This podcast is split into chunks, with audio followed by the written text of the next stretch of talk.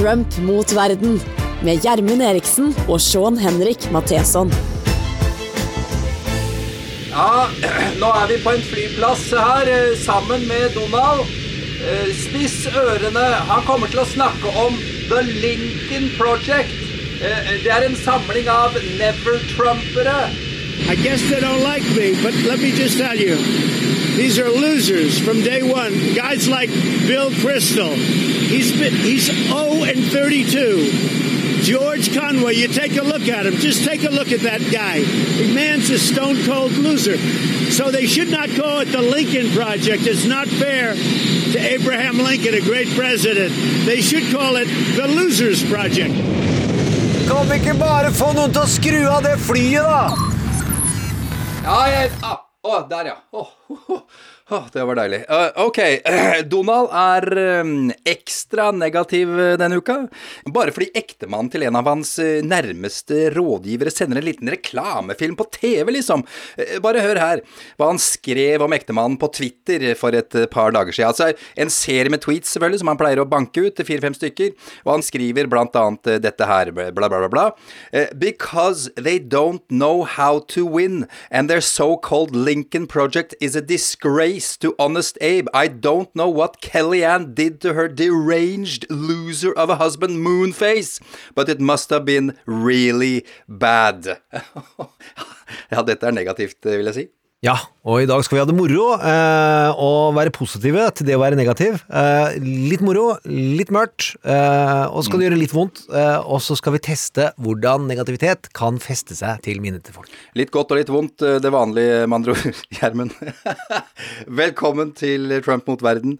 Jeg heter Sean Henrik Matheson. Gjermund Eriksen, du er jaggu på NRK i dag. Hvordan føles det? Ja, Det er helt vilt. Det er jo fullt av folk, og de sitter her og drikker alkohol og holder hverandre i hendene, og de bryr seg ikke om én koronaregel. Send mail til Tor Gjermund Eriksen. Jeg bare tuller. Her er det ganske stille, men jeg og Silje har det bra. Ja, fader, altså. Du sitter jo der sammen med produsent eh, Silje Martinsen Vettre. Merker at jeg blir ørlite grann eh, sjalu på dere begge, bare for å, for å si det. Eh, tenkte jeg skulle bare si til eh, nye lyttere, deg kanskje, at, og det blir stadig flere av deg forresten, veldig hyggelig at du har kasta deg på.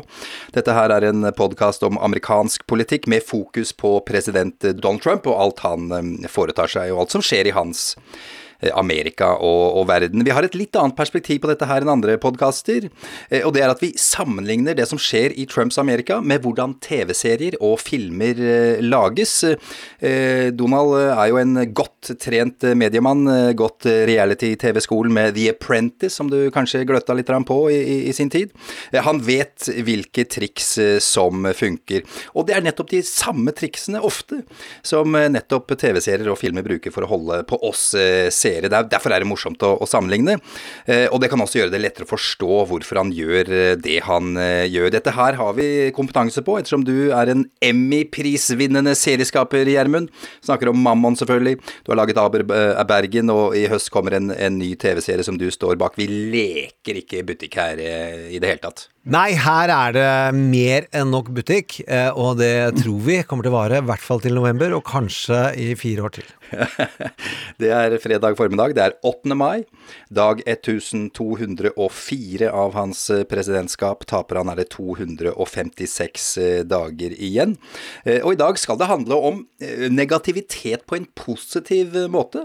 Ja, det er noe av det viktigste innen dramatikk og politikk, vil jeg si, og en god del teoretikere som har vært utøvere i begge disipliner. Eh, negativitet er på mange måter en kontrastvæske eh, og får fram distinksjoner. Hva man er for, og hva man er mot. Eh, og så er det noen helt unike menneskelige egenskaper ved at dette kobles til emosjoner.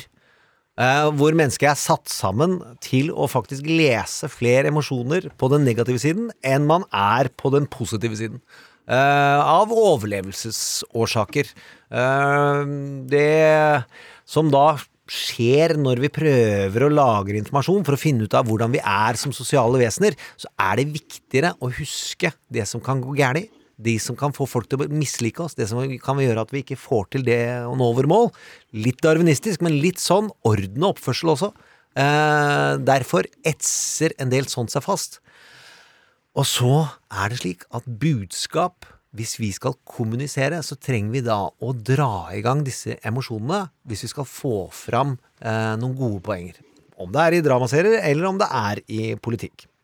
Og hvis vi husker, eh, så er fortellinger ja, du lager en fortelling. Den er avhengig av at hovedkarakteren har motstand. Altså at det må stå noe i veien.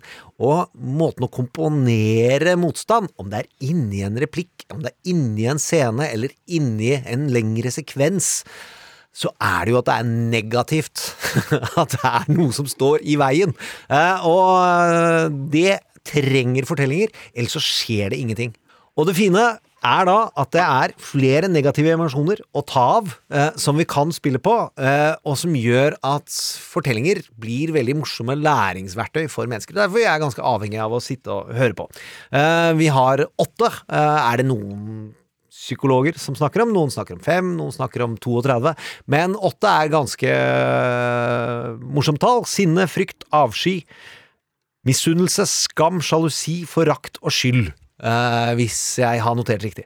Uh, og jeg tenkte at vi kan gå gjennom noen uh, fortellingseksempler som jeg syns er gode til å få fram disse følelsene. Og tenkte å gå til en av de mest minneverdige fortellingene i forhold til det å bruke negativt på en god måte, så det huskes, er trainspotting. Husker du den? Ja, train, ja, jeg husker jo Trainspotting. Det var jo en skjellsettende opplevelse, husker jeg, da jeg så den på kino. Ja, og vi skal jo ikke gå gjennom hele filmen. Og vi starter ikke med de negative følelsene som, drar, som kommer ganske tidlig fram, nemlig at uh, hovedpersonen, som går på mye dop, må stikke hele armen ned i et toalett full av avføring. Som er i avskyland, og som gjør at du virkelig våkner i setet. Men heller gå til Og her skal jeg være litt personlig, og jeg har snakka med kona om at, at jeg får lov å dele, men Uh, hun er veldig svak for skotsk aksent. Uh, og jeg tør, det er det eneste landet i verden jeg ikke tør å sende kona med. Jeg tror hun vil ligge med han i passkontrollen. altså den første og beste som har skotsk aksent, er vi, har, vi har vært gift i 22 år. Eller i hvert fall sammen i 22 år, og så har vært gift en god del. Uh, kortere enn det, men allikevel. Uansett Skotsk er hun svak for. Og det vi får nå, er fem karer. Alle går på dop. Han ene tror jeg har gjort uh, kona gravid og skal ha et barn, og de er opp, opp i høyfjellet. Og han prøver å vise dem The Great Outdoors, den uh, som prøver å finne tilbake til livet. Og Ewan McGregor, vil dere høre etter, har en negativ innstilling til det å være skotsk. Hør her. Look, Tommy, we know you're getting a hard time off Lizzie, but there's really no need to take it out on us. Doesn't it make you proud to be Scottish? It's shite being Scottish! We're the lowest of the low! The scum of the fucking earth! The most wretched, miserable, servile, pathetic trash that was ever shot into civilization! Some people hate the English, I don't. They're just wankers. We, on the other hand, are colonised by wankers. Can't even find a decent culture to be colonised by. We're ruled by a few assholes It's a shite state of affairs to be in, Tommy, and all the fresh air in the world won't make any fucking difference! Wankers! Wankers! Eh, og bare inni det lille, lille ranten der, så hører vi i hvert fall flere emosjoner. Misunnelse, forakt, sjalusi og skyld. Men det var flere negative emosjoner som kom fram i de, den filmen, og et av de er eh, noe som eh, jeg husker godt, og det er, Vi er veldig underholdt av disse heroinistene, eh, disse narkomane. De er morsomme, selv om de lever triste, tøffe liv, så har de fest og fyll, og det er kul musikk. Men plutselig en morgen så våkner de opp, eh, og så er spedbarnet dødt i en barneseng som står midt i et festlokale, prega av, og jeg blir alltid rørt av det her, eh, prega av heroinisters liv.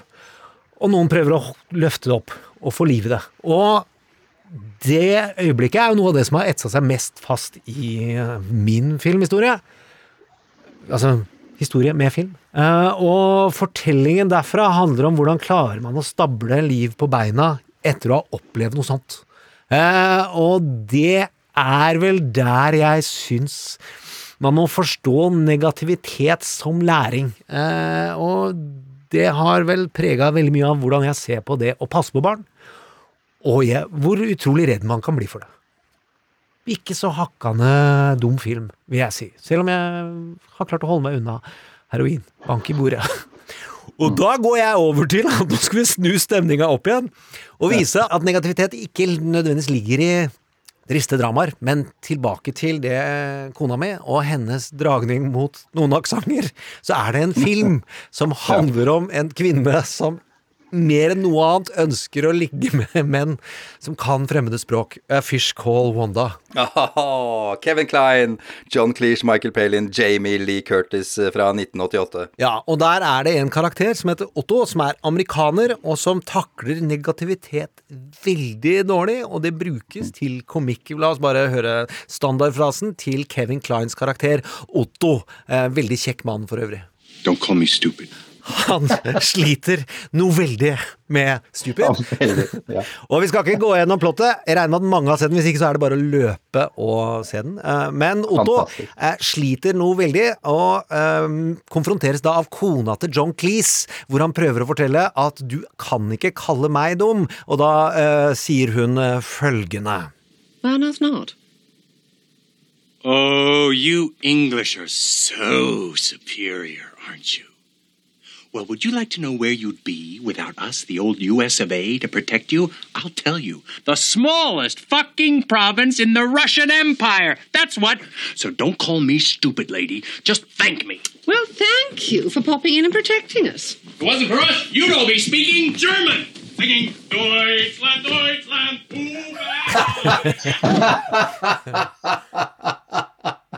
Den er så morsom, den filmen, at jeg dauer. Ja, og der ser du at i samme klippet hvor dum han er, han sier at du vil være det minste provinsen i Russland og snakke tysk. Det er en Som jeg faktisk kombo. ikke hørte komboen før jeg satte det klippet her nå, så jeg er ikke så jævla smart, jeg heller.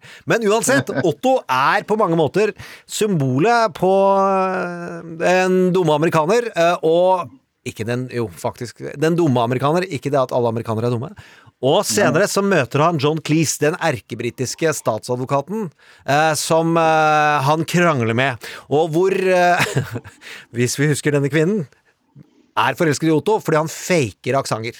Mens John Cleese han snakker russisk og italiensk og spansk, og hun ligger på et tau og gnukker av med tanken på han. Eh, Idet Otto kommer og får høre at eh, både Wanda og Cleese har kalt ham dum.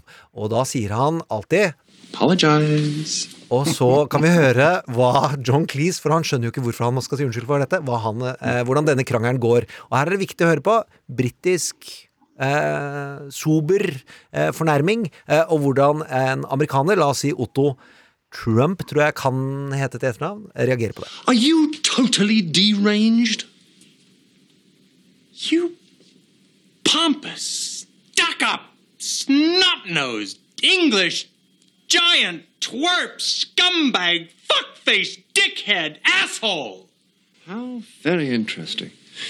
You're a true Bulgarian, aren't you? You're the Bulgarian, you fuck! Now apologize! What, uh, me to you? Apologize. Ja, og da klippes det til at John Cleese henger opp ned utenfor et vindu og sier 'I apologize'.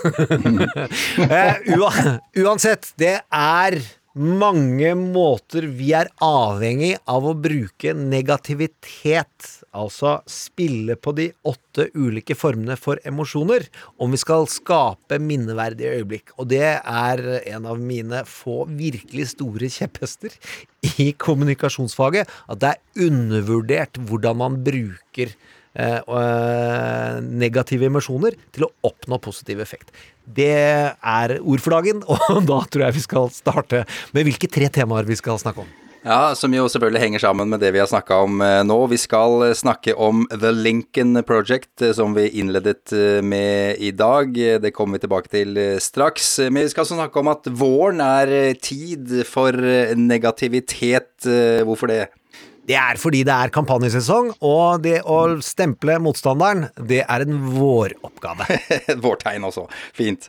Eh, Vi har en eh, karakter spesial i dag. eh, Svigersønnen fra himmelen. Ja, vi kaller han det faktisk. Ja, og som er vår måte å prøve å stemple svigersønnen til Donald Trump på. Selvfølgelig, selvfølgelig. Det er Jared Kushner vi snakker om. Gift med favorittdatter Ivanka Trump, selvfølgelig. Eh, Vi har noen godteribiter vi skal nevne, eh, men ikke snakke altfor mye om, eh, Gjermund. Eh, Michael Flynn eh, fikk jo gode nyheter i går. Ja, Justisdepartementet valgte å trekke tiltalen etter å ha eh, vært over'n over eh, mange år. eh, Og en av hovedtiltalte under eh, Müller, eh, så eh, anket han eh, dommen sin, og nå trakk de seg fra rettssaken.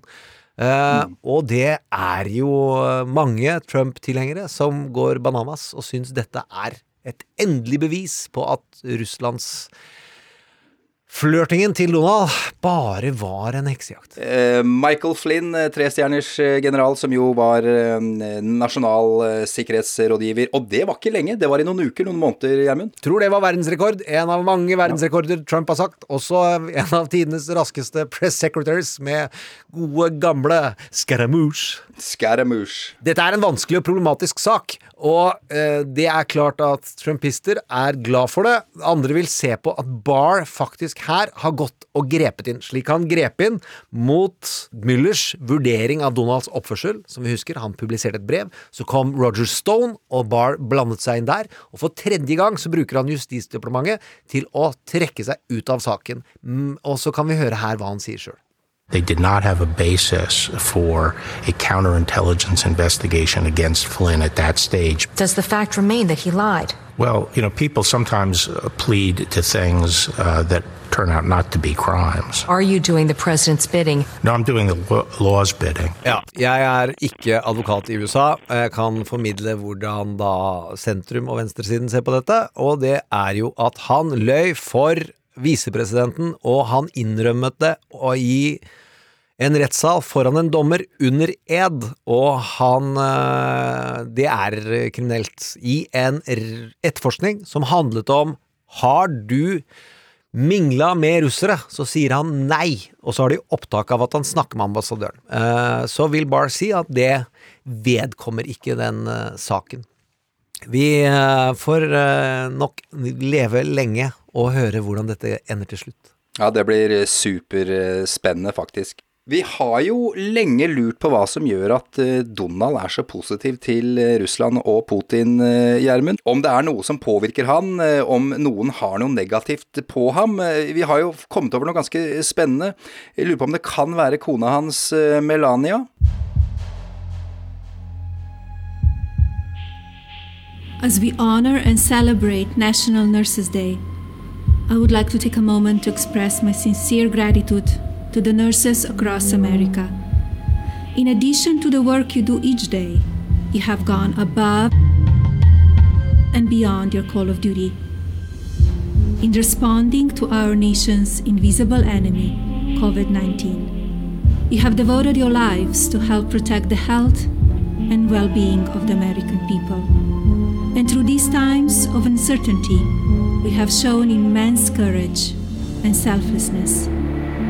You're an inspiration to us all, and your actions show us the true power of the American spirit. Thank you for your care and compassion. Our nation will continue to pray for your safety and strength. May God bless you and your families, and may God bless the United States of America. Det havnet tilfeldigvis spionmusikk under den.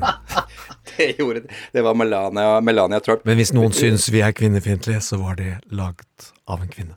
Ja, det var laget av en kvinne. Må jo bare nevne da, Gjermund, at eh, Melania er fra Slovenia, bare så vi har det på plass også. Men mens vi er inne på det, så er det slik at eh, det finnes en kvinne som har anklaget Joe Biden for seksuell uh, sexual assault. Uh, og der kom det fram denne uka. Uh, du kan jo gjette hvem hun har skrevet veldig positive artikkel om.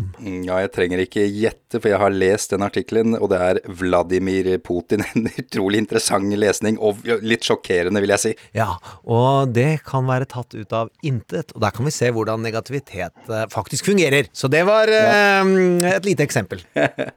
Høyesterett, Gjermund, er jo hørbar for første gang. Starta denne uka her. Ja, de la ut høringene sine på internett, altså opptak, hvor de hadde telefonkonferanse. Eh, og det er veldig spennende neste uke. 12. tror jeg det er, så møtes de og avgjør eh, hvordan Donald Trumps skattepapirer skal behandles. Og de, Høyesterett har jo satt ned foten før, eh, og av ulike grunner. Eh, men nå som de er hørbare, så har de faktisk lagd en sang eh, og gjort det under navnet Supremes.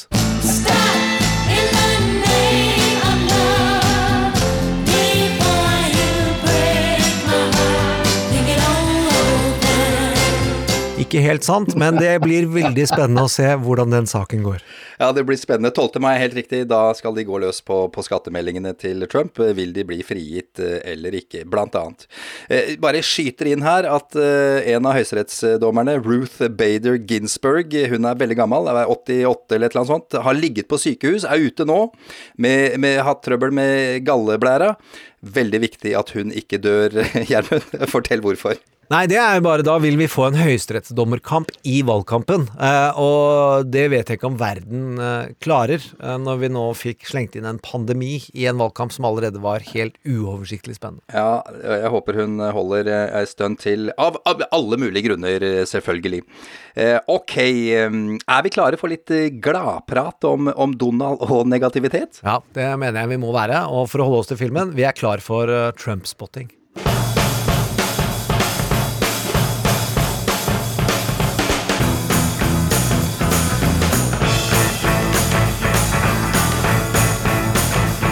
Trump mot verden med Gjermund Eriksen og Sean Henrik Matheson. Vi skal eh, snakke om noe som eh, bøgger Donald nå inn i eh, helvete.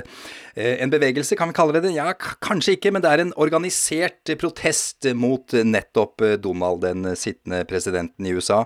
Det er en Political Action Committee, en PAC. Du har kanskje hørt det før, kanskje du har hørt begrepet Super PAC. En PAC er en eh, organisasjon som eh, som regel samler inn penger for enten å få en person valgt inn i posisjon, eller å forsøke å få en person ut av posisjon. En PAC er uavhengig av kandidatene det handler om. De er altså ikke blitt hyret inn for å gjøre en jobb, og vil derfor ikke komme i konflikt med de mange reglene om valgkamp, donasjoner, pengegaver og, og slike ting. De er uavhengige, men jobber altså for eller mot en kandidat, alt ettersom. Det er ingen hvilken hvilken som helst pack vi skal eh, snakke om i dag. Det er The Lincoln Project eh, ble opprettet på tampen av 2019, eh, ikke så lenge siden altså. Gjermund, skal vi introdusere grunnleggerne av denne packen med det samme, og så komme heller litt mer tilbake til dem senere? Ja. Det er særlig én vi skal fokusere på i dag, av medlemmene. Jo, det er for så vidt det. Men vi kan jo begynne med Steve Schmidt vi har eh, Steve Schmidt, eh, republikansk strateg, jobba for Bush junior, Schwarzenegger faktisk. Eh, var også strategisjef for John McCain. Vi har John Weaver, som også har jobba for McCain, men også for Demokratene, faktisk, på et tidspunkt. Rick Wilson, konsulent, mediekonsulent, laget reklamefilmer for representanter. Pax, forfatter av en bok vi kommer tilbake til litt senere, Gjermund. Men mest kjent av disse vil kanskje George Conway være. Eh, respektert advokat eh, på et tidlig tidspunkt i Donalds eh, regjeringstid, aktuell for et par toppstillinger i justissektoren i USA. Da hadde han trua på Trump, og Trump hadde trua på ham. Det har gått over. Ørliten fun fact her. Representerte Paula Jones i hennes sak mot Bill Clinton back in the day. 19, ja, 1994 var det vel. Hun mente jo Clinton hadde sextrakassert henne, inngikk forlik på slutten av 90-tallet. Har etter hvert blitt en stor Trump-kritiker, en av de største og mest kompromiss løse, en av de som har gått hardest ut. Han har rett og slett sagt at eh, Trump er mentalt uskikket til å være president. Og Selvfølgelig. Han er gift med Kellyanne Conway, en av Trumps aller nærmeste rådgivere, hun med alternative fakta. Eh, og alle vi har snakket om er republikanere, og The Lincoln Project er akkurat det. En haug av republikanere som ikke vil at Donald Trump skal velges til fire nye år. Tatt navnet etter selveste Abraham Lincoln. Vi må vel begynne med hvorfor vi da endelig skal snakke om dette her denne uka her, for vi har hatt det på blokka i, i måneder, Gjermund. Ja, dette er jo gutter som er Og menn. Uh, altså, de er menn. som er veldig underholdende. Uh, og accomplished, altså. Politiske strateger. La oss starte litt med Donald, for han var på Lincoln Memorial denne uka. det er den store statuen av Abe hvor han sitter. Og så hadde han et TV-intervju på søndag eh, hvor han satt foran og snakket mye om hvor vondt han hadde, eh, og hvor urimelig han ble behandla, og at han hadde det verre enn Abraham Lincoln, som tross alt ble skutt i huet. ja, han ble skutt. Han røyk da han uh, så en teaterforestilling i, i, Washington i 1865. Uh, men jeg må jo si at Trump snakka selvfølgelig om journalistene, da, men så sitter han jo da tross alt på et minnested over en skutt president. Ja, så kommer denne uka uh, denne gjengen republikanere, The Lincoln Project, med en reklamefilm som rett og slett tar for seg et annet Rett etter Abraham så er det ett stort republikansk ikon, og det er Ronald Reagan. Og han hadde én stor som jeg tror var en gjenvalgsreklame, Morning in America, som dro opp håpet og sa at nå går det oppover, og det er ikke noe vits i å stemme på denne motkandidaten, for her er jeg. Og det er jo det Donald har håpet på. Og så kommer denne gjengen med en av de mer Vel, dyktige, komponerte høykvalitetsreklamene, og de kaller den The Morning in America. Ja, sorg i Amerika. Ja, sørgingen, eller sorg. Men uansett, la oss høre her. There's morning in America. Today, more than 60,000 Americans have died from a deadly virus Donald Trump ignored. With the economy in shambles, more than 26 million Americans are out of work, the worst economy in decades. Trump bailed out Wall Street, but not Main Street. This afternoon, millions of Americans will apply for unemployment, and with their savings run out, many are giving up hope. Millions worry that a loved one won't survive COVID 19. There's mourning in America, and under the leadership of Donald Trump, our country is weaker and sicker and poorer. And now, Americans are asking if we have another four years like this, will there even be an America? Paid for by the Lincoln Project, which is responsible for the content of this advertising. Åh, det gjør jo nesten litt vondt, det der. Ja, øh, det er meningen. Altså kan vi synes at dette er amerikansk, men for øh, meg som følger mye amerikansk, så er dette veldig godt håndverk altså, innen politikk. Ja, og Donald gjør da akkurat det han ikke burde. Altså Han gjør noe utrolig dumt når han ser denne reklamen. Eh, og vi kommer tilbake til ting Donald er geni på, eh, men her eh, er det ikke det. Nemlig, han angriper dem hardt og tungt via den 480 milliarder følgende Twitter-kontoen sin. Eh, og da gir han jo de utrolig mye oppmerksomhet. Og der hvor eh, ikke alle, virkelig ikke alle, visste hva The Lincoln Project var før, eh, så vet de det i hvert fall nå. Og den reklamefilmen fikk en spredning slik man ikke kunne Det gikk som en drøm for dem, tror jeg, men ikke for noen Donald. ok. Vi nevnte jo en av eh, disse mennene bak eh, The Lincoln Project, eh, Rick Wilson, og at han har skrevet en bok. En ganske kul boktittel, det må vi vel ha lov til å si. 'Everything Donald Trump Touches Dies'. den er veldig fin. Og jeg har hørt, den, tittelen utrolig mange ganger, for hver gang han introduseres i amerikansk offentlighet, så er jo introduseres du med navn, tittel, og så 'and currently available with the book', 'Everything Donald Trump Touches Dies'. Så den har gjort uh, inntrykk, og som vi hører, noe vektet mot det negative. Og han er en hardtslående politisk strateg som har jobbet med politisk negativ campaigning i mange, mange tiår, faktisk.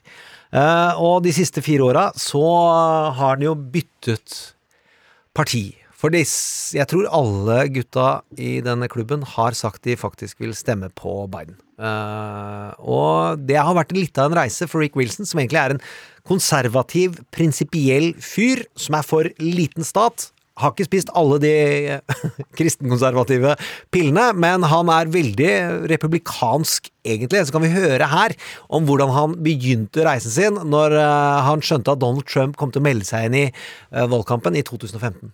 I will tell you, in the beginning of 15, when Trump got, or the middle of 15, when Trump got in the race, I raced up to New York because I had a moment of panic. I admitted to myself that my candidate, who was Marco Rubio, and I was working for a super PAC that was going to support Marco with many zeros. Let's put it that way. Yeah. And, you know, I'm a Bush guy. I worked for Bush 41, both in the campaign and in the administration for the W2000 campaign, the RNC. I worked for the, I mean, 39 states hundreds of candidates and super PACs, all these priors that left me squarely in the electoral mainstream of the Republican consultocracy. I could work for liberal candidates, I could work for conservative candidates. If it fit, we did it. And my job wasn't to be some sort of ideological policeman for these guys. My job was to get them elected. Konsultokratiet er et fantastisk ord jeg ikke hadde bitt meg merke i før, men uansett, han kjører i panikk. Han jobber for Marco Rubio, og så gjør noen eh, løpende analyser om hvordan er det dette kommer til å gå, når han kjenner til hvordan Trump egentlig er flink med negativitet. Så kan vi høre her eh, regnestykket han gjør inni hodet sitt, og legg merke til at han er positiv til et par republikanere, og så kommer han til Ted Cruz, denne fyren fra Texas, eh, som er en Harvard-studert, eh, en veldig dyktig eh, jurist, men allikevel, det er mulig å være kritisk til hva han står for. Eh, og det tror jeg faktisk Wilson eh, kommer litt ut med i resonnementet. Hør nå. I love Marco to death. He is not strong enough to take this guy. I love Jeb. He was a, one of the greatest governors in Florida. But I thought Jeb is going to go out there and this guy will punch him and punch him and punch him again and again, and he can't handle it. Hmm. I've always known Ted Cruz was a pussy with a glass jaw. you know, he's every fucking Ivy punk I've ever met, every fucking Ivy League guy I've ever met who thinks that this is some sort of debating society. And when you when you call him out and tell him his dad killed JFK and his wife is ugly, he doesn't like respond like a man. He cowers. Ja, og som vi hører, Rick er ålreit i snakketøyet, eh, og er innenfor det jeg i dag vil kalle sluggernauts. Altså rett og slett, eh, den gjengen her kan slå tungt fra seg, og vært eh, rundt, altså. Ja, så han, så han har jo vært inne, da, for å si det sånn, med, med alle før. Han har jobba og tre, han er trent opp sammen med Roger Ailes, altså grunnleggeren av Fox News, og som har sagt helt ville ting til han, som han renner ut av. han. Hvis noen har lyst til å finne Rick Wilson-intervjuet, så er det fra Trumpcast i januar, eh, hvor han virkelig gir noen saftige detaljer om eh, Ailes sitt syn på livet. Gjermund, du sier at eh, de er en blanda gjeng, men med samme kreative mål? Ja, de skal eh, De omtaler seg selv litt som i Taken, hvis noen husker den filmen. Med Liam Neeson. Ja, de har et eh, begrenset skillset. Og det handler om at de kan påføre maksimum smerte til motstanderen. Eh, og det er det de skal. Så de har veldig fokus på at de skal ha eh, ta Donald Trump, men ikke bare Donald Trump. De skal også gjøre det vanskelig for alle de som støtter han, og som de kan ødelegge for. Sånn senatorer som Susan Collins, for eksempel, som har eh, tøft med å bli gjenvalgt. Der skal de synliggjøre at hva som har vært hennes eh, trumpisme, for å dra henne mot deres side av det republikanske partiet, som de ønsker at skal komme tilbake på en, en eller annen gang. Ja, Susan Collins var vel en av de representantene i Senatet vi hadde trua på, men som eh, til å stemme imot og alt det der, men som, som jo trakk seg til slutt. Ja, det kan du trygt si. Ja, det kan du trygt si. Eh, hvor får de pengene sine fra? The Lincoln Project? Ja, Det er jo det som er morsomt med disse Det er ikke morsomt, men det er det som er da lov med disse packene. De behøver ikke si hvor de kommer fra. Det endret seg et eller annet sted rundt en høyesterettsdom 2008. Eh, 2007. Eh, og det gjør jo at eh, man kan være skeptisk til slike packs. Det kan komme fra demokratisk side, og det kan komme fra republikansk side. De sier selv at det er mange republikanere som ikke tør å stå fram, men da donerer penger til dem, for de vil ha vekk Donald. Og at de som talspersoner, som går ut og er mye kritiske, gjør det forsvarbart å være en never-trumper sosialt sett, i veldig små sirkler, eh, eventuelt, og at du tør å ikke stemme på Donald når november kommer. Og dette smerter jo Donald noe helt inn i, i granskauen. Eh, skal vi ikke høre en gang til hva det er han synes om dette prosjektet? Yeah, I saw a project, a thing called the Lincoln Project, and I would have them change the name to the Losers Project because if you take a look at Schmidt, it's, it's uh, George Conway. The guy is Kellyanne must have done a big number on him, but it's George Conway and it's some other people. Weaver, every one of them, I either defeated or, or they lost by themselves. But it's a group of major losers. They're Republican losers. Tenk på en ting når dere hører dette om negativitet, at noen av disse reklamene som er veldig negative mot Donald, de føles jo godt for de som er mot Trump. Uh, og se på spotting av Trump uh, er behagelig for uh, øye og hjerte for en god del mennesker. Og skal ikke jeg si hvilken etasje jeg er i, men i Trainspotting-filmen er det faktisk en ganske rolig sang som sier noe om den følelsen, og framveksten av trumpismen. Ja, få høre. La oss høre den.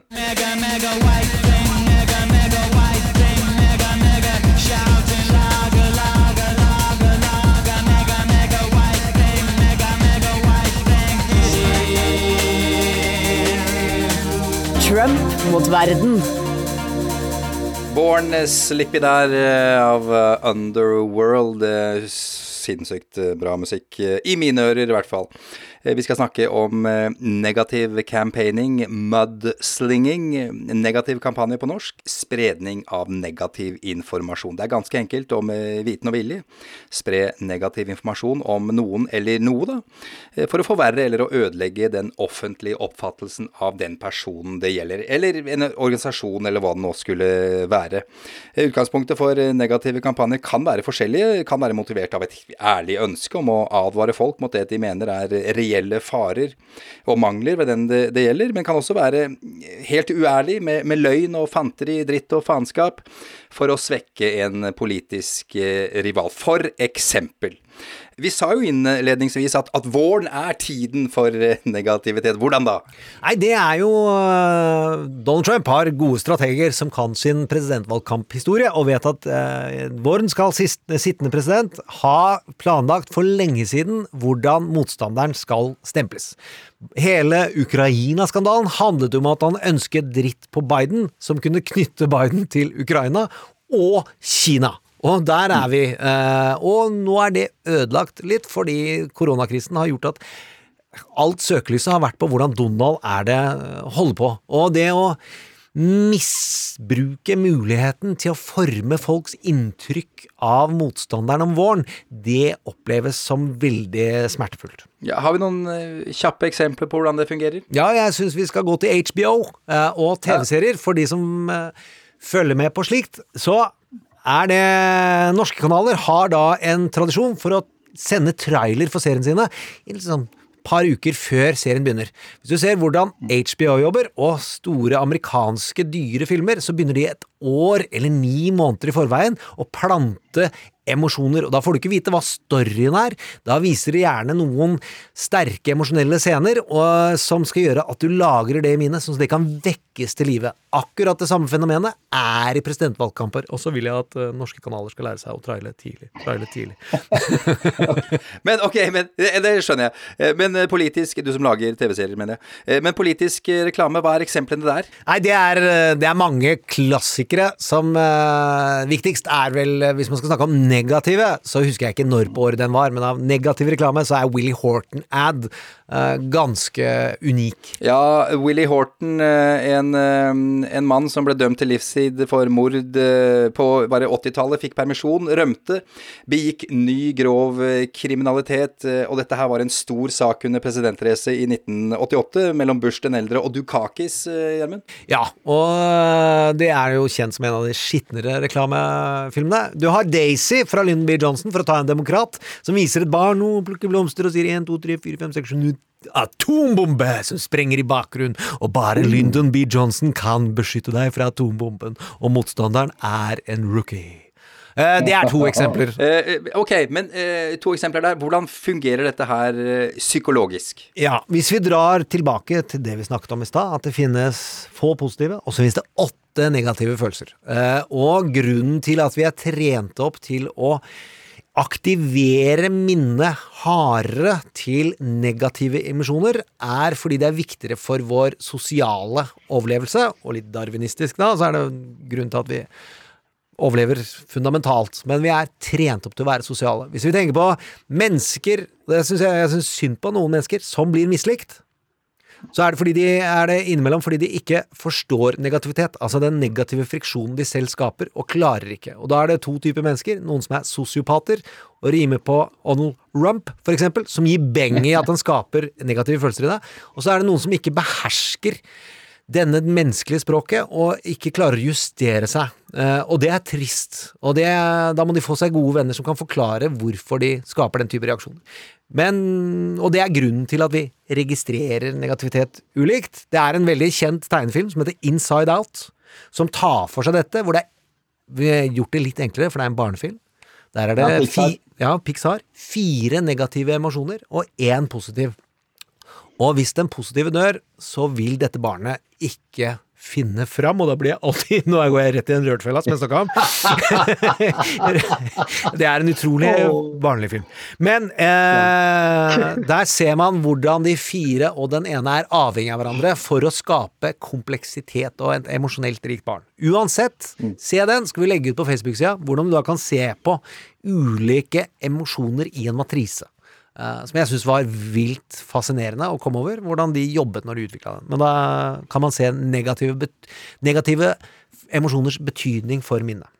Og husk da, hvis vi ser kommunikativt på det, altså det at vi skal få noen til å legge merke til og sette pris på det vi står for, så er det å forstå den negative siden vel så viktig som å forstå den oppsiden av hva vi kommer med.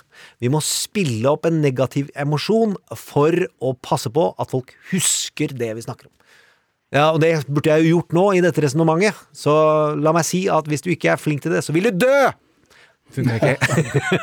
jo, det sitter, sitter som ei kule, det, Gjermund. Ok, men hvordan bruker, hvordan bruker Donald dette her, da? Det er på veldig mange måter, og hvis vi sa at den var litt dum i stad, så er det her han er en av de flinkeste i verdenshistorien, i hvert fall i registrert verdenshistorie, tror jeg. Eh, Så kan dere tenke at det er hyperbolt, men eh, han er da et så stort fenomen blitt.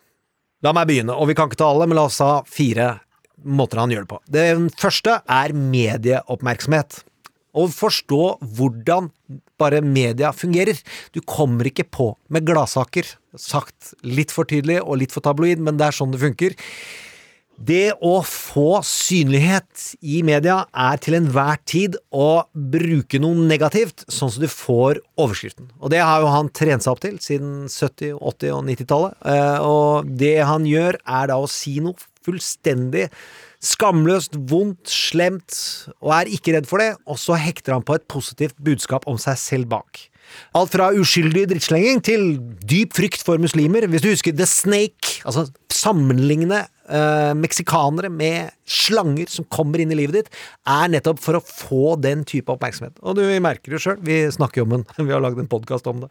det er helt riktig. Ja, eh, og han bruker alle de åtte vi snakket om. Eh, Du kan bare ta avisoverskrifter, så kan du leke bingo og ha det moro hvis du virkelig skal kose deg med negativitet. Sinne, frykt, avsky, misunnelse, skam, sjalusi, forakt, skyld. Ja, det er alltid viktig å huske på hvis man har tenkt til å lulle seg inn i å være så enkel at man bare bidrar her i verden. Så er det greit å innimellom gå innom de negative emosjonene og tenke ja, jeg kan gjøre det bedre. Det er motivasjon der òg, folkens. Men Ja, ja. nummer to massemanipulasjon. Eh, som er eh, hvordan han deler en verden inn i binære størrelser. Eh, altså, det er en polarisering han spiller på, og som vi har sagt, den var der i USA, men han bruker det jo da ved å alltid snakke positivt om seg selv. Han tenker ikke på om det er sant eller ikke sant. Det, seg selv positiv, alt annet negativt. Og da misbruker han ikke en eneste anledning til å skryte om seg selv. Og han misbruker ikke en eneste anledning til å snakke ned. Eh, og der tenker han i volumstørrelser som vanlige mennesker ikke tør, og ikke bør, eh, og ikke skulle. Nemlig at han gir jevnt rennafart i sant og fakta. Han tenker binært. Han tenker 'jeg skal skape negativ emosjon der, og positiv om meg'. Der, eh, det var to, Gjermund. Eh, Den tredje? Der vil jeg si en mer finmaska merkevarebygging. Og det er ikke et ord som alle er trent opp i, men det handler om at vi skaper assosiasjoner som lønner seg for oss. Altså, vi skal putte tanker inni folk, tanker og følelser, som gagner vårt mål. Det er det merkevarebygging er. Og der er Donald überproff til å finne små giftpiller som sitter som et skudd og varer forever. Du husker sikkert hva, hun, hva han kalte Hillary? Crooked Hillary. Ja, hva kaller han Joe? Sleepy Joe. Og Markio? Little Marco. Ja, og der klarte jo ikke jeg. Jeg slo sammen Rubio og Markio, men det klarer vi. Uansett, dette her er en språkteori som eh, jeg mener at det er Lakoff som står for, nemlig at du planter en negativt ord, og så er det utrolig vanskelig å ikke tenke på det. Uh, ikke, tenk på, uh, ikke tenk på en rosa elefant. Det er veldig vanskelig, det ordet er der. Uh, og, Ja. ja, og det er han ekspert i. Og han bruker det også på større i forhold til reklamefilmer, og hvordan han bruker Twitter-kontoen sin, og hvordan han bruker hele kommunikasjonsapparatet koordinert med Fox News nå, er å få assosiasjoner planta til Joe Biden, China Joe, Sleepy Joe, The Corrupt Joe, Hunter Joe. Alt dette skal bare dras nedover. Og da er vi ved punkt Ja, fire. og det vil jeg da summere opp i at det er et politisk hovedstrategi. Hans mål er å snakke ned motstanderen, for han er så dårlig likt sjøl, og han har andre merkevareassosiasjoner som gjør at vi ikke bryr oss om at han er så negativ. Det er det han satser på. Ja, slik han, eh, slik han snakket ned Hillary. Helt klart. Hun var faktisk ganske høyt oppe som utenriksminister, men eh, gjennom å koordinere seg med Det republikanske partiet og Fox News, så var det en nedsnakkingsmaskin som fikk det til at valget til slutt sto mellom de to mest mislikte politikerne i amerikansk målbar historie. Og det å snakke ned, og få ned Joe, er da målet og hovedstrategien fram mot november. Eh, Det er at han skal være like mislikt som Donald Trump er, og så har Donald Trump eh, merkeassosiasjoner ved seg som han mener skal slå han.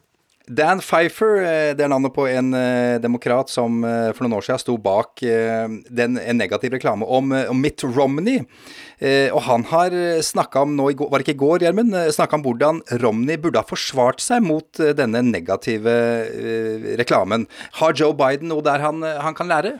Ja, det er jo det øh, vi er avhengig av nå, hvis vi mener at Donald Trump ikke skal vinne valget. Uh, Romney satsa alt han kunne på å snakke ned Obama, mens Obama klarte å fargelegge Romney fordi han sa ikke noe om seg selv. Så våren, da er ofte den kandidaten som utfordrer, et noe blekt lerret, og hvis de bruker all energien på å snakke ned motstanderen, så vil ikke det funke. Nå skal det sies at øh, Biden har en grunnstrategi som virker som er klokt fundert, men de er nødt til å få kommunisert den ut på den positive siden. Nemlig, han står for empati, han har klokskap, og han ønsker å samle landet. Det som er det motsatte av Donald.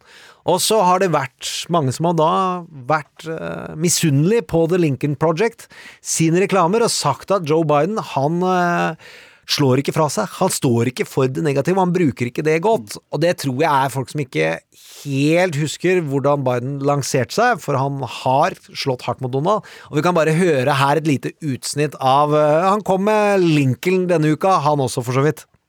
I am greeted with a hostile press, the likes of which no president has ever seen. Uh, the closest would be that gentleman right up there. They always said Lincoln, nobody got treated worse than Lincoln. I believe I am treated worse. I am treated worse. I am treated worse.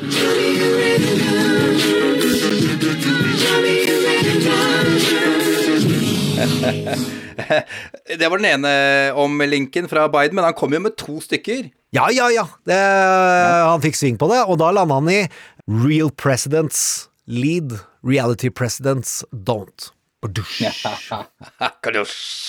nice. Jeg får ikke penger fra USA for å voice reklame, det merka jeg idet jeg sa det, men Morgan Freeman får mye av det. Han tjener eh, loads av cash eh, på sin fantastiske stemme. Vi skal til ukas eh, karakter, en spesial. Jared Kushner! Yay!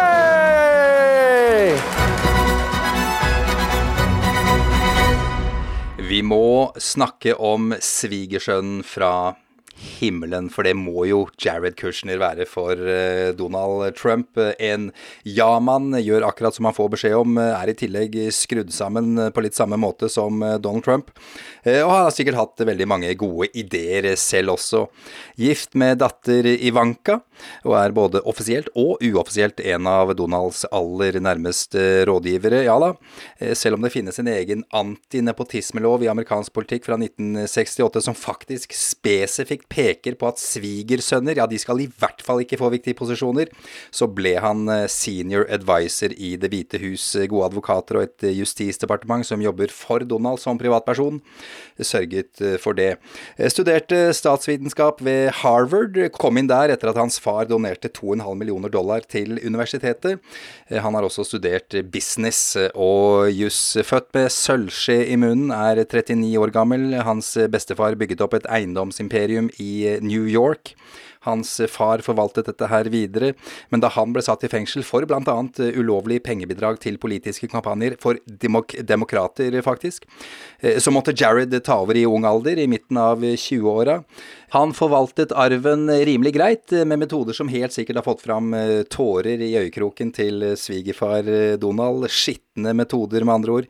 Da han pussa opp tusenvis av leiligheter han eide helt unødvendig mye og lenge, slik at de som, måtte, de som bodde der måtte flytte ut og finne andre steder å bo, for så å skru leieprisen opp til himmels. Se Dirty Money på Netflix. Slumlord Millionaire blir brukt om Jared. Ja, vel, han har selvfølgelig ingenting med dette her å gjøre lenger, slik det må være når du får høye posisjoner i amerikansk politikk. Posisjoner som gjør at du kan gjøre deg selv enda rikere ved å føre en politikk som er fordelaktig for seg selv. Not! Nei da, han har stadig full kontroll over businessen, selv om det offisielt er broren og moren som styrer skuta. Og han mottar årlig mange millioner kroner i lønn, skal ha en formue på omtrent 8 milliarder kroner. Apropos hans private business, forresten. I 2018 mista han sikkerhetsklareringene sine, og ble utelatt av det som var hemmelig i Det hvite hus. Hvorfor? Fordi flere nasjoner, bl.a. Kina og Israel, vurderte om de skulle forsøke å finne tvilsomme transaksjoner han hadde gjort, og bruke det mot ham. Bruke ham som en asset, med andre ord en person de kunne presse til å gjøre ting de måtte trenge. Ja, hva slags fyr er Jared? Ja, vi har vel fått et ørlite inntrykk av det nå, Gjermund? ja, det får en si, og da tok vi bare de positive tingene. Yes. Nei, jeg tror at Jareds forretningsimperium blir morsomt å studere når Donald Trump har forlatt Det hvite hus, om det skjer eh, om fire år, eller om det skjer i november. Ja. Eh, hvordan har Jared klart seg gjennom koronakrisa, vil du si? Eh, det er vanskelig å kunne finne på hvor eh, rart, la oss si negativt, Donald har takla koronakrisen i de pressekonferansene, og Jared har spilt en helt sentral rolle eh, mm. med å ha gitt de rådene som vi har kommentert de siste fem uh, ukene, om hva som har stått i New York Times og Washington Post, om hvor alle valgene var som gikk galt, de møtene har Jared vært helt sentralt. Såpass mye at noen sa at det er han som egentlig styrer i Det hvite hus nå. Det står ikke jeg for, og det vil jeg ikke si, og jeg tror Donald sitt ego kommer du ikke til å klare å manipulere den veien. Men Jared uh, har uh, Du kan jo høre selv hvordan han uttaler seg uh, om noe av det som har vært mest kritisk i USA, nemlig den mangelfulle utrullingen av tester per innbygger. Noe av de er dårligst i, og det, da går han til følgende resonnement. I think you'll see by June a lot of the country should be back to normal, and the hope is, is that by, by July uh, the country's really rocking again. Federal government rose to the challenge, and this is a great success story. Uh, and, and I think that that's really you know, what needs to be told. Ja, og han mener jo da at han er en udelt suksess. Dette er mannen som da har uh, hadde ansvar for å få i gang testene. Det skjedde aldri. Han skulle, lovte at han skulle samarbeide med Google og en supermarkedskjede uh, og skulle ordne ting, uh, og ingenting av det har skjedd. Jeg tror, ikke, jeg tror, ikke, Google visste om at det skulle skje engang. Nei, og det er ganske amatørmessig, altså. Ja, det får en si.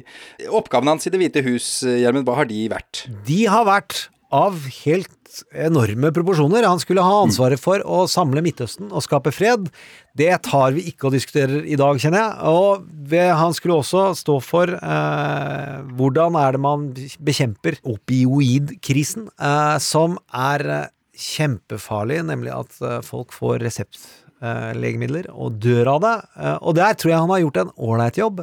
Og der han har gjort en god jobb, er fengselsreform. Eh, det har kommet fengselsreform som gjør at en del mennesker er sluppet ut som har sonet for lenge, eh, for å spare penger. Så at han er mer kompetent enn Donald til å gjennomføre og lede, det er det ikke noe tvil om, men han er like skummel, syns jeg. Ja, det er det mange andre som syns også.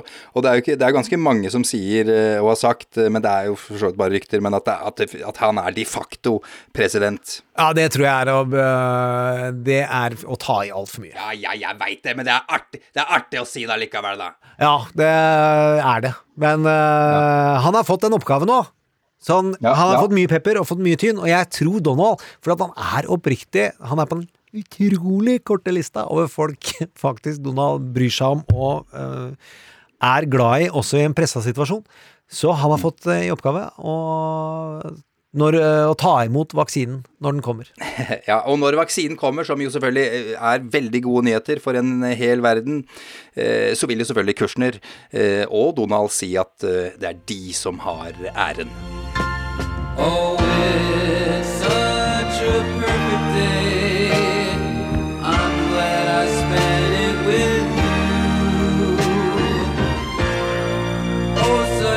perfect day. You just keep me hanging on. You just keep me hanging on. Trump mot verden. Å, nydelig låt fra Lou Reed der. Ja, men Vi skal være positive til eh, negativitet, det har vi snakka om i dag. Men det, det finnes jo dårlig negativitet også, må jo få inn det også. Ja, er du gal? Uh, og Donald Trumps 16 000 løgner er jo ett bevis på det. Uh, men det, i fiksjon så snakker vi ofte om at vi, når man går over streken og prøver å plage folks sanser og emosjoner uten at det føles relevant for drama, uh, torturere mennesker uten at det egentlig er viktig, men at vi bare bader i heslighet, tråkke på kattunger for å skape 'oi, så syns vi, så synd vi syns på dem. Eh, Det kan bli for enkelt, men det blir veldig ofte avslørt, og det skjer ikke i kvalitetsserier og kvalitetsfilm, så syns jeg ikke det eh, skjer. Og så skal man vite én siste ting, som er veldig serie- og filmrelevant. Vi har, kan noen si dessverre, fått en mye høyere smerteterskel. Det vil si at vi må føle smerte mye mer, så derfor er det tøffere ting som skjer inne i serier og filmer i dag. Eh, tidligere så var det jo helten bare løp gjennom filmen, og det var så vidt det var, kunne tenke seg at du mista At det var litt trusler mot de nærmeste, til at for eksempel i Jo Nesbø-bøkene, som Jeg kan ikke spoile det. Nei, Ja. det går ikke, da, for pokker! Men det går ikke bra med alle! Det er det som gjør vondt. Og det, han vant jo Riverton-prisen denne uka, og det syns jeg var fortjent på bok 23. Fabelaktig tale. Gå og finn den på Facebook. Eh, vi nærmer oss slutten vi, av eh, nok en episode av Trump mot eh, verden. Vi skal ha konkurranse. Den skal være litt tung og alvorlig i dag. Ja, det er klart. Og det kommer til å handle om Høyesterett.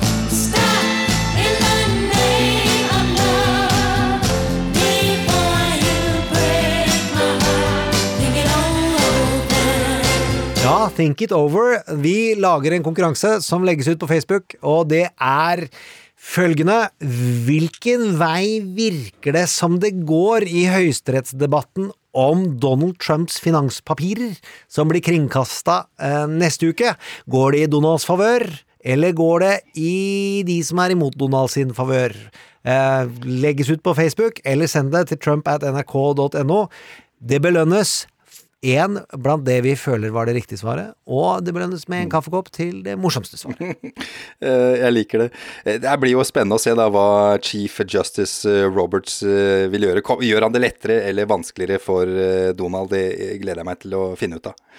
Før vi går løs på ukas eh, åpningsscene på den svindyre Trump mot verden-serien som skal produseres etter hvert, eh, så har vi en, eh, ja, en, en liten skal jeg si, en godteribit også, kan si det? Ja, det er en dokumentar om nok en kvinne, og ikke hvem som helst. Det er vår podkasts store beskytter, Michelle Obama. Michelle Obama. Helt riktig. Eh, det kommer en, eh, en dokumentar nå, gjør ikke det? Er det Netflix? Det er det. De, Obama-familien har inngått avtale med Netflix. Vi legger ut traileren på Facebook-sida Yes. vår. Eh, den virker veldig lovende. Her er et lite klipp. I am from the south side of Chicago.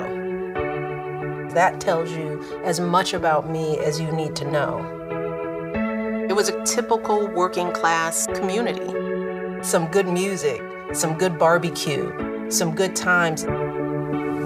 She's just a girl and she's on fire. So little of who I am happened in those eight years. So much more of who I was happened before. Ja, vi gikk ut med Alicia Keys der. Ja, sjølve nøkkelen til forståelsen av uh, Michelle Obama. Det var lokalradiovits. Lokalradiovits. Ja, da er det vel tid for ukas åpningsscene. Ja, og hvis det hørte etter, så var det mest av det positive i introen til Michelle Obama, men i åpningsscenen her så tror jeg man skal nullstille følelsene sine før du eh, setter i gang, Sean. Ja, jeg har eh, skrevet eh, ukas åpningsscene også. Er dere klare? Starter i svart. Så fades bildet inn, og vi ser rett på ansiktet til en lege. Han sitter i en stol og ser betenkt ut, nesten så han ikke helt vet hva han skal gjøre. Han holder en fot i hendene sine, han klemmer på foten, rundt ankelen, på hælen, stolen knirker. Legen sukker, undrer seg, i pannen har han et rundt speil som i gamle dager, og nå skjønner vi at vi er i gamle dager. Møblene er fra 60-tallet, en gammel skrivemaskin står på pulten, et fullt askebeger.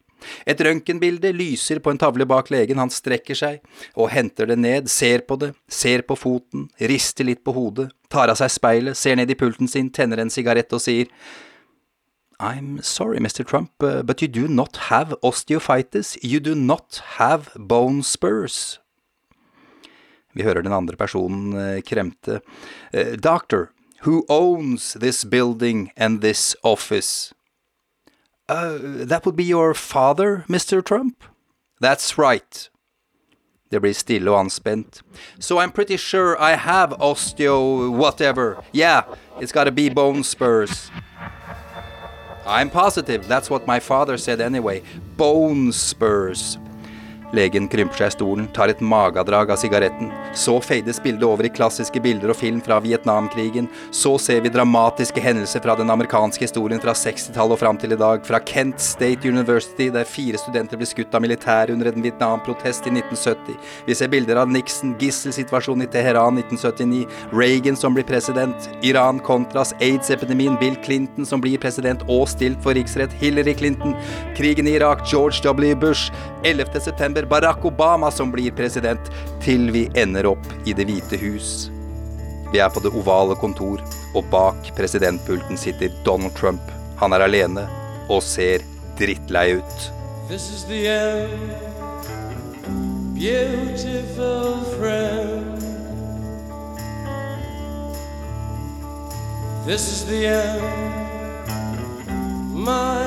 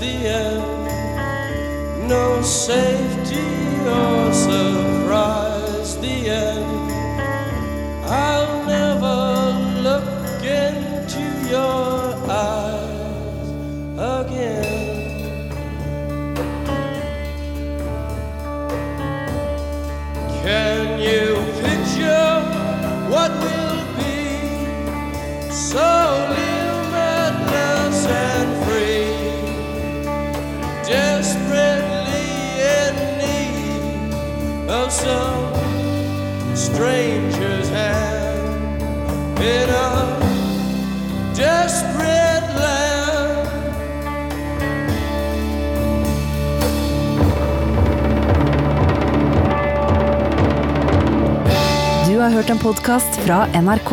Hør flere podkaster og din NRK-kanal i appen NRK Radio.